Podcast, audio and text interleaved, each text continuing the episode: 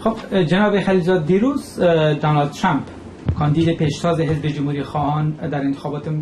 شاغر خلیزاد تاسو د متحده ایالاتو د جمهوری ریاست په انتخاباتو کې د جمهور غوښتونکو د ګوند مخکښ کاندید ډونالد ترامپ چې د خپلې بارنۍ پالیسي په حق له بیانیه ورکوله سټیج ته مو د خبرو لپاره بلنه ورکړه او هغه مو معرفي کړ آیا دا په دې معنی چې تاسو د هغه ملاتړ کوئ نه تشکیلی که از آقای ترامپ دعوت نه دا غونډه په واشنگټن کې د ملي ګټو په نامه ټولنه جوړه کړې و چې زه یې د مدیري هیئت غړی یم دا یو خپلواک اداره ده او د کوم ګوند پورې تړاو نه لري ټولنې زما نه وغوښتل چې ښاغلی ټرمپ معرفي کم او ما هم ومنله یعنی به هیڅ وجه نو پس دا په هیڅ معنی د ډونالد ټرمپ د ملاتړ کومه نښه نه وه نه ما په غونډه کې په خپل خبر کې هم دا یادونه وکړه چې زه د ډانلډ ټرمپ ملاتړ نه کوم د ټولنې نور کاندیدانو ته هم بلنه ورکړې و چې د خپل بهرنۍ پالیسۍ په حق له خبرې وکړي آقای ترامپ در سخنرانی ترامپ په خپل وینا کې د ایران، چین، کوریا او جاپان پر شمول د نړۍ د بیلابیلو هیوادونو په حق خبرې وکړې خو د افغانستان په اړه څه نه ویل دا ولی آیا فکر کوي که چرته دونالد ترامپ جمهور رئیس سي د افغانستان مسله به ورته مهمه نه وي خب از خودش باید بپرسین دا پوښتنه په خپل د هغه نه باید وشي چې ولې د افغانستان نوم یاد نه ک او زه په دې حق لڅ نه شم ویلای خای دا سه لسګونه نور هوادونه هم وی چې د هغه په خبرو کې یادونه ونه شوه افغانستان د اوس د پاره د نور هوادونو په پرتله ځانګړی ارزښت لري ځکه په دې تیرو څو کلونو کې امریکا په عملی توګه د افغانستان په جګړه کې ښکېله وه ستاسو خبره سمه ده او ښه به وي چې دا مسله په خپله د هغه نه وپوښتل شي خو د سیمې په هکله د هغه په خبرو کې په زړه پورې ټکی دا و چې ویلي دی بدلون د راوستلو پر ځای د دوام طرفداري کوي چې زما لپاره یې هم پوښتنه پیدا کړه ځکه که ناامني وي نو د وضعیت بدلون ته اړتیا شته که چیرته خلک د روغتیايي خدمتونو سیاسي ازادیو امنیت او ښه اقتصاد د راتلونکي په هکله خوښ نه وي نو سړی داسې نشي ویلی چې دا ټول رژیمونه دې د تل لپاره پاتې شي په داسې شرایطو کې بدلون ته اړتیا شته ځکه چې حالات د کنټرول نه وځي زه په خپل د ازادۍ او دیموکراسۍ د خبرولو طرفدار یم ټرمپ وایي چې دیموکراسي باید نور هیوادونو ته صادره نکو او زه بیا وایم چې خلک د نړۍ په هر ځای کې ازادي غواړي، ښه امنیت او ښه اقتصاد غواړي. شما از افرادی بودین که طرفدار جنگ عراق بودین و آقای ترامپ تاسو د عراق د جګړې طرفدار یاست او ډونالد ترامپ د دې جګړې سره اختلاف لري هغه همدارنګه د مسلمانانو په حق له هم جنجالي ویناوي کړې دي تاسو د یو مسلمان مهاجر په صفت داغه دغه څرګندونو په اړه څه نظر لرئ آل خواستان از آل ما مخالف جنگ عراق هستم که باید زه هم اوس د عراق د جګړې سره اختلاف لرم د امریکا او نړۍ استخباراتي ادارو په دې برخه کې سهوه کړې وه ځکه چې سیاستوال د استخباراتي ادارو د معلوماتو پر بنسټ پالیسی او سیاست جوړوي په هغه وخت کې استخباراتي ادارو ویل چې د صدام حسین سره اتومي او بیولوژیکي وسلې دي او د دې پلان لري چې دغه وسلې بل ځای ته هم صادر کړي خو کله چې امریکایي ځواکونه هلته ورغلل داسې څه یې پیدا نه کړل چې دا یوه ډېره غټه اشتباه وه او د مسلمانانو په هکله که چېرته د هغه خبرو ته لږ ځیر شو هغه دا نه دي ویلي چې ټول مسلمانان دې بند شي بلکې هغه ویلي که موږ پوه نه شو چې دا کسان څوک دي له کومه ځای راغلي او آیا د امریکا لپاره به کوم خطر ولري که نه هیڅ امریکایی دا نه غواړي چې دغه ډول کسان دې راشي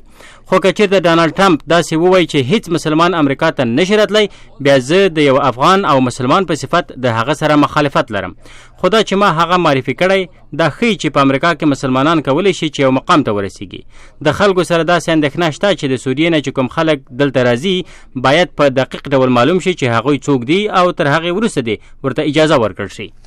یک سوالی که شاید پیش اکثر افغانایی مطرح باشه د اکثر افغانانو سره یو مهمه پوښتنه ده ده چې په امریکا کې هر حکومت چې واک ته رسیدلی په پاکستان په کافي اندازه فشار نه دی راوړي چې د افغانستان په حق خپل پالیسی بدله کړي او د هغو یاغیانو د ملاتړ نه لاس واخلي چې د حکومت پر ضد وسله راپورته کړي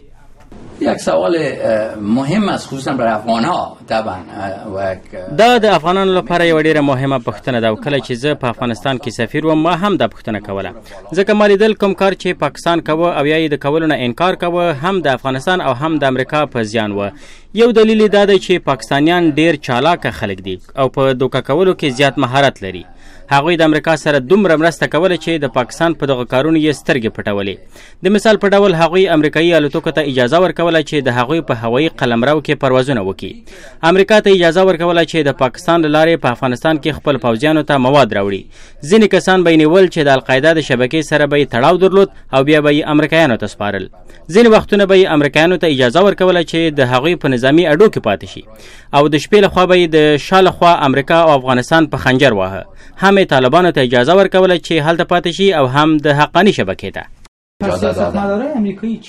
نو امریکایي سیاستوال به څه وخت په دغه واقعیت پوسی او درک پې کړي هغه اوس دا مسله درکړې ده ما په لومړي سر کې دوی ته ویلي ول چې په پاکستان کې د حقاني د شبکې او طالبانو د پټېدو مرکزونه د جوړېدو په حال کې دي او دا زیات خطرناک ثابتېدلی شي دا مرکزونه په 2003 2004 او 2005 کلونو کې جوړېدل په لمړي سر کې ځینو امریکایانو زما سره دا خبره نه منله خو کله چې اسامه بن لادن په پا پاکستان کې پیدا شو بیا په امریکا کې هیڅ مسؤل شخص نه و چې په دې عقیده نه وي چې پاکستان دوه مخې لوبه کوله د اسامه تر پیدا کېدو وروسته په امریکایي مطبوعاتو کې د یو پاکستاني جنرال عکس خپور شو چې نیم مخ یې تور او نیم سپین و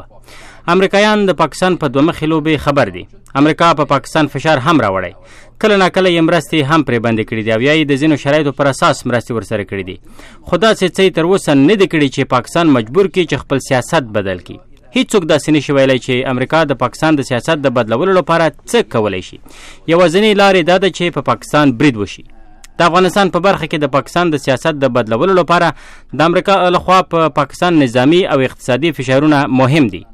د ځینو نورو هیوادونو فشارونه هم مهم دي مګر د ټولو نه مهمه دا ده چې په افغانستان کې باید چې د پاکستان سیاست ته ماتې ورکړ شي او هغه په دې معنی چې افغانستان باید دومره قوي شي چې د پاکستان مداخله ورته په غټ زیان تمام شي او دا کار د امریکا او افغانستان په سیاست پورې اړه لري پس از حملات اخیر در کابل په کابل کې د ملي امنیت په یو ریاست د برید نه وروسته جمهور رئیس اشرف غني د پاکستان پر خلاف خپل دریځ جدي کړ او ویل نور د پاکستان نه توقع نه لري چې طالبان خبرو ته حاضر کړي بلکې د پاکستان نه وغوښتل چې طالبان وځپي تاسو د شاغلي غني د دې نظر په هکله څه وایست خوب است که افګر چې زه د اشرف غني د دې غوښتنو طرفداري کوم چې پاکستان ته قناعت ورکړي چې د طالبانو سره د مرستې په برخه کې خپل سیاست بدل کړي زه د پخوانه په دې باور وم چې په غوښتنو سفرونو او خبرو پاکستان خپل سیاست نه بدلوي زه فکر کوم چې پاکستان یوازې په هغه صورت کې خپل سیاست بدلوي چې په افغانستان کې لاسوهنه یې په زیان وي دا په دې معنی چې که په افغانستان کې وضعیت خرابېږي دا به پاکستان ته د ګټې پر ځای تاوان ولري خو دا کار څنګه کېدلی شي د ملا عمر د مړینې د اعلان نه وروسته طالبان په څو ډلو وویشل شول او ترمنځ اختلافات پیدا شول اوس د افغانستان حکومت باید دوه کاره وکړي لومړی دا چې د طالبانو د خپلمنځي اختلافاتو نه د ګټه واخلي او دا اختلافات نور هم زیات کړي طالبان دې دې ته مجبور کړ شي چې په خپل کې سره ونخلي او بیا دې د یو یو ډلې سره تفاهم وشي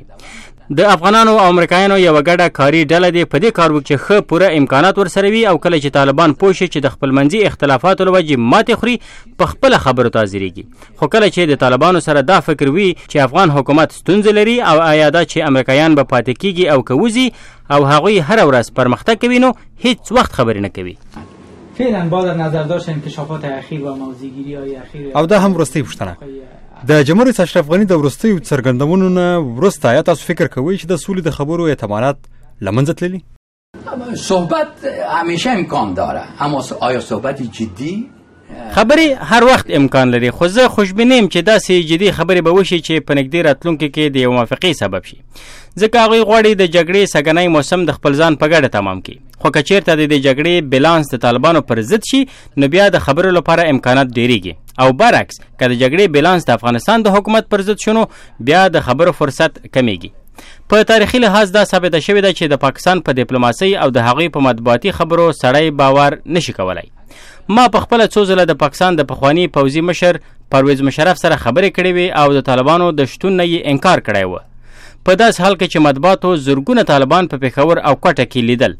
مشرف به ویل دا ډول خبرې هند جوړې کړې دي خو کله چې هغه د واکه لرې شو په خپل اعتراف وکړ چې موږ دوه مخې لوبه کوله او موږ د طالبانو ملاتړ کوه طالبان او پاکستان دواړه د افغانستان د حکومت دښمنان دي او هیڅ وخت د افغانستان ملاتړ نه کوي بلکې هغوی غواړي چې د افغانستان حکومت ته ماتې ورکړي او لمنځه یوسي یوازې په خپل افغانان او بهرني ملګري کولای شي چې افغانستان وژغوري او دښمنان هیڅ وخت دا کار نشي کولای